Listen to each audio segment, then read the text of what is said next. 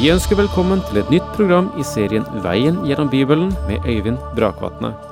Denne studieserien er produsert av P7 Kristen Riksradio og bygger på serien Through the Bible av Vernon McGee. I dag fortsetter vi med gjennomgangen av Tredje Mosebok.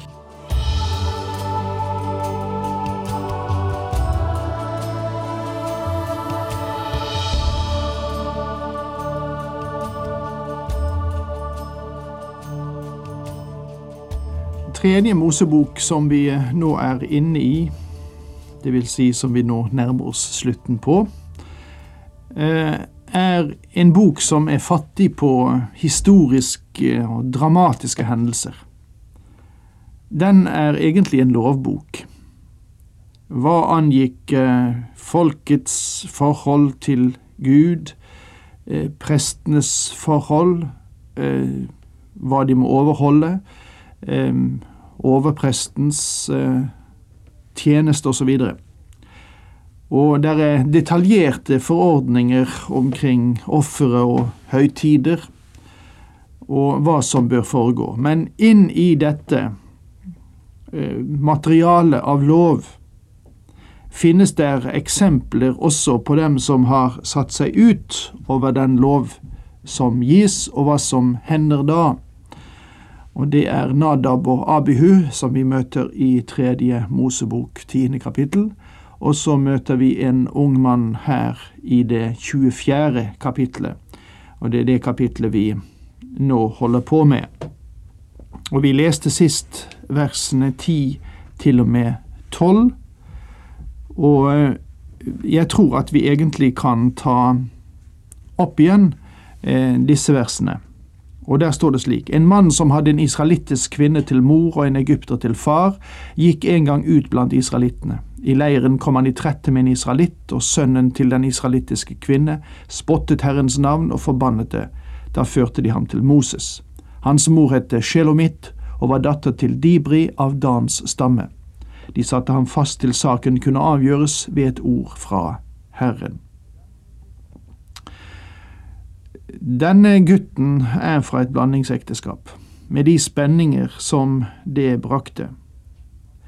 Og vi kan forstå at eh, mange kunne bli problembarn i dette sammenhenget, for i dette tilfellet eksempel eh, var eh, faren egypter og moren israelitt, og da de brøt opp ved uttoget fra Egypt, er det vel mye som taler for at mange som var i en lignende posisjon, av fedrene, egyptiske fedre, ble værende igjen i Egypt, og mor og barn dro av gårde. Eh, og der er en atskillelse, en separasjon, akkurat her. Og der er det vi nå kommer inn igjen og haker oss fast på nytt.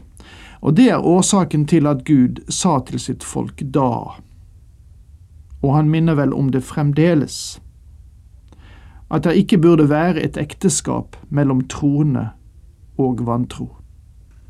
Og nå fører vi dette over i en nytestamentlig sammenheng også, ikke sant? Dette har ikke noe å gjøre med rasespørsmål. Det er tvilsomt for en troende å gifte seg med en ikke-troende, uansett kultur eller hudfarge. Selv om begge har en viss parallell bakgrunn, så minner Gud likevel om at en troende skal passe seg for å gifte seg med en ikke-troende. Og legg merke til at det er Gud som sier det. Kanskje ingen av oss ville ansett det å by på noe problemer hvis ikke Gud hadde satt strek under det. Gutten fra dette blandingsekteskapet har et problem. Han må ta en avgjørelse om hvorvidt han vil, gi, vil gå farens vei eller morens vei om han vil gi faren rett eller mor rett. Og problemet er at denne avgjørelsen egentlig aldri ble tatt. Han tok et skritt til å begynne med, men i sin tanke og i sitt sinn dukket spørsmålet stadig opp. Jeg undrer på om jeg ikke skulle valgt annerledes og blitt værende i Egypt. Avkommet av dette blandingsfolket har nesten et evig spørsmålstegn plassert foran seg. Det var en hard og vanskelig avgjørelse å forlate Egypt i første omgang, og senere går deres tanker stadig tilbake til Egypt. Og når omstendighetene blir vanskelige og veien tung, så er de de første til å klage. Det er ikke annerledes i våre menigheter og kristenflokker i dag heller. Det er dem som står med ett ben i hver leir, som skaper de største vanskeligheter. Og ofte har jeg undret på om menighetenes vriompeiser og plageånder virkelig har opplevd en gjennomgripende frelse. Det er vanskelig for meg å forstå at et gjenfødt menneske, en som tror på den Herre Jesus Kristus, søker å blokkere Guds vei og vilje ved å stadig klage. Hvor mye mer krefter kunne vi ikke brukt på utadrettet evangelisering og presentasjon av evangeliet om vi hadde sluppet å bruke så mye krefter på Guds misfornøyde barn? Nå vel, denne gutten kom i en konflikt, en trette, og du kan lett forstå hvordan det kunne skje. Han hadde egentlig ingen plass i Dans stamme. Han var hengt på, selv om han hadde adgang til Israels leir. Etter at han kom inn i denne tretten, så spottet han Guds navn. Han forbannet Herrens navn, det navnet som var så hellig i Israel at man ikke turde å uttale det. Det ble på hebraisk skrevet som et tetragram, en skrevet som YHWH, og vi kan tenke oss å overføre den hebraiske skrift. Og det er til og med spørsmål i dag hvordan man uttalte Herrens navn. Er det Jehova eller Jahve? Navnet er så hellig at ikke engang israelittene uttalte det. Men denne spotteren kunne uttale det.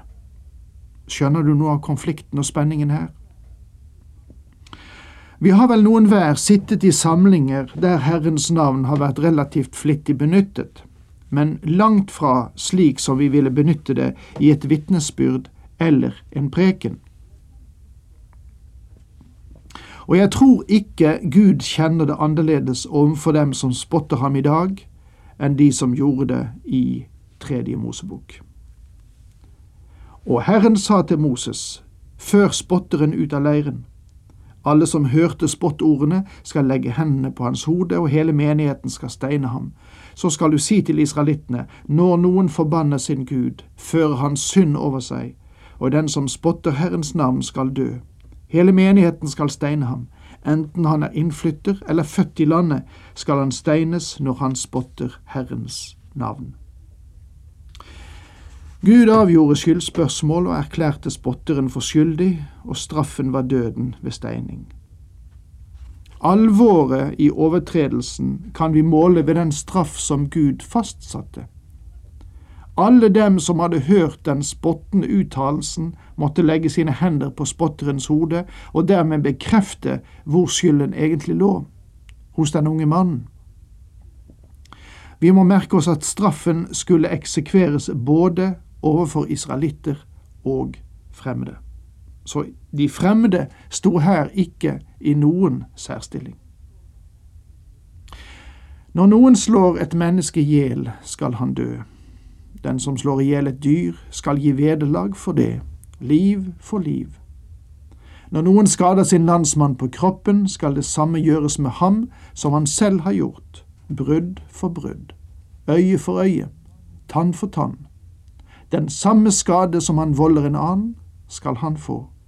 Den som slår i hjel et husdyr, skal gi vederlag for det. Men den som slår i hjel et menneske, skal dø.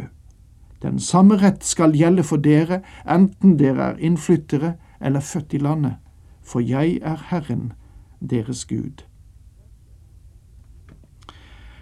Dette er selve hovedprinsippet i lovens rettspraksis, øye for øye tann for tann. Den kalles lex talionis eller jus talionis, gjengjeldelsens lov. Dette er et rettsprinsipp som fremdeles ligger til grunn for jødisk lovgivning. Vi vurderer ofte avgjørelser på bakgrunn av vår kristne tradisjon, men glemmer lett at andre folkeslag dømmer ut fra andre forståelser av rett og galt. Den gjengjeldelsesloven som omtales her, skulle gjelde både israelitter og de fremmede. Dette sa Moses til israelittene, og de førte spotteren utenfor leiren og steinet ham. Israelittene gjorde som Herren hadde befalt Moses. Der er en vesentlig moralsk lekse å lære her. Herrens navn er hellig og må beskyttes. Spott er en forseelse av dypeste karakter. Også menneskelivet er hellig og må beskyttes. Gud gir også forordninger som beskytter personlig eiendom. Gud er rettferdig i alt han gjør. Vi er også skyldige for Gud. Den sjel som synder, skal dø. Men Kristus har båret den dødsstraff vi selv skulle ha tatt. Sannelig, våre sykdommer tok han på seg, og våre smerter bar han. Vi trodde han var blitt rammet, slått av Gud og plaget, men han ble såret for våre overtredelser og knust for våre misgjerninger. Straffen lå på ham for at vi skulle ha fred. Ved hans sår har vi fått legedom. Slik skriver eh, Jesaja i disse kjente og sterke versene i kapittel 53, versene 4 til 6. Ja, da tror jeg vi tar farvel med kapittel 24 i Tredje Mosebok og går inn i kapittel 25.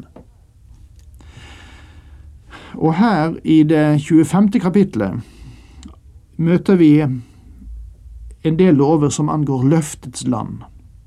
Merk altså det lover som ligger litt i fremtiden i forhold til den posisjonen som eh, jødene hadde under vandringen gjennom ørkenen. For dette angår lover som skal begynne å fungere når de kommer inn i landet, og det gjelder sabbatsåret og jubelåret eller frigivelsesåret. Det gjelder utløsing av eiendom og personer. Den mosaiske forvaltning var ikke bare rettet inn på Israels folk, men tok også spesielt sikte på Palestina. Og det understrekes i dette kapitlet. Lovene som ble gitt her, kunne ikke vært praktisert før Israel var på plass i Kanans land. De kunne aldri vært tilpasset ørkenvandringen, der er en stadig og nesten monoton henvisning til og repetisjon av ordet land når dere kommer inn i landet. Hvile for landet. Og forkynn frihet over hele landet. Og Dette siste aspektet ble gjort kjent ti ganger i dette kapitlet. Alt i dette kapitlet knyttes til det landet Gud gav Israel. Den mosaiske forvaltning var rettet mot et spesielt folk, Israel, og et bestemt land, Palestina. Det er videre rettet til et folk som har jordbruk som hovednæringsvei. Det er den som forsøker å binde hele det gamle testamentlige lovverk som en livsstil som også angår det nye Israel, menigheten. Mine venner, disse lovene er ikke tilpasset Norge, og for områder i landet vårt ville de vært helt umulige, og vi må aldri glemme at disse lovene ble gitt til et bestemt folk i et bestemt land. Nå får vi se mer på det neste gang, men eh, nå er eh, tiden forbi for denne timen her omkring 24. kapittel i Tredje Mosebok og begynnelsen på det 25. kapitlet, og så møtes vi igjen snart. Takk for nå, Herren med deg.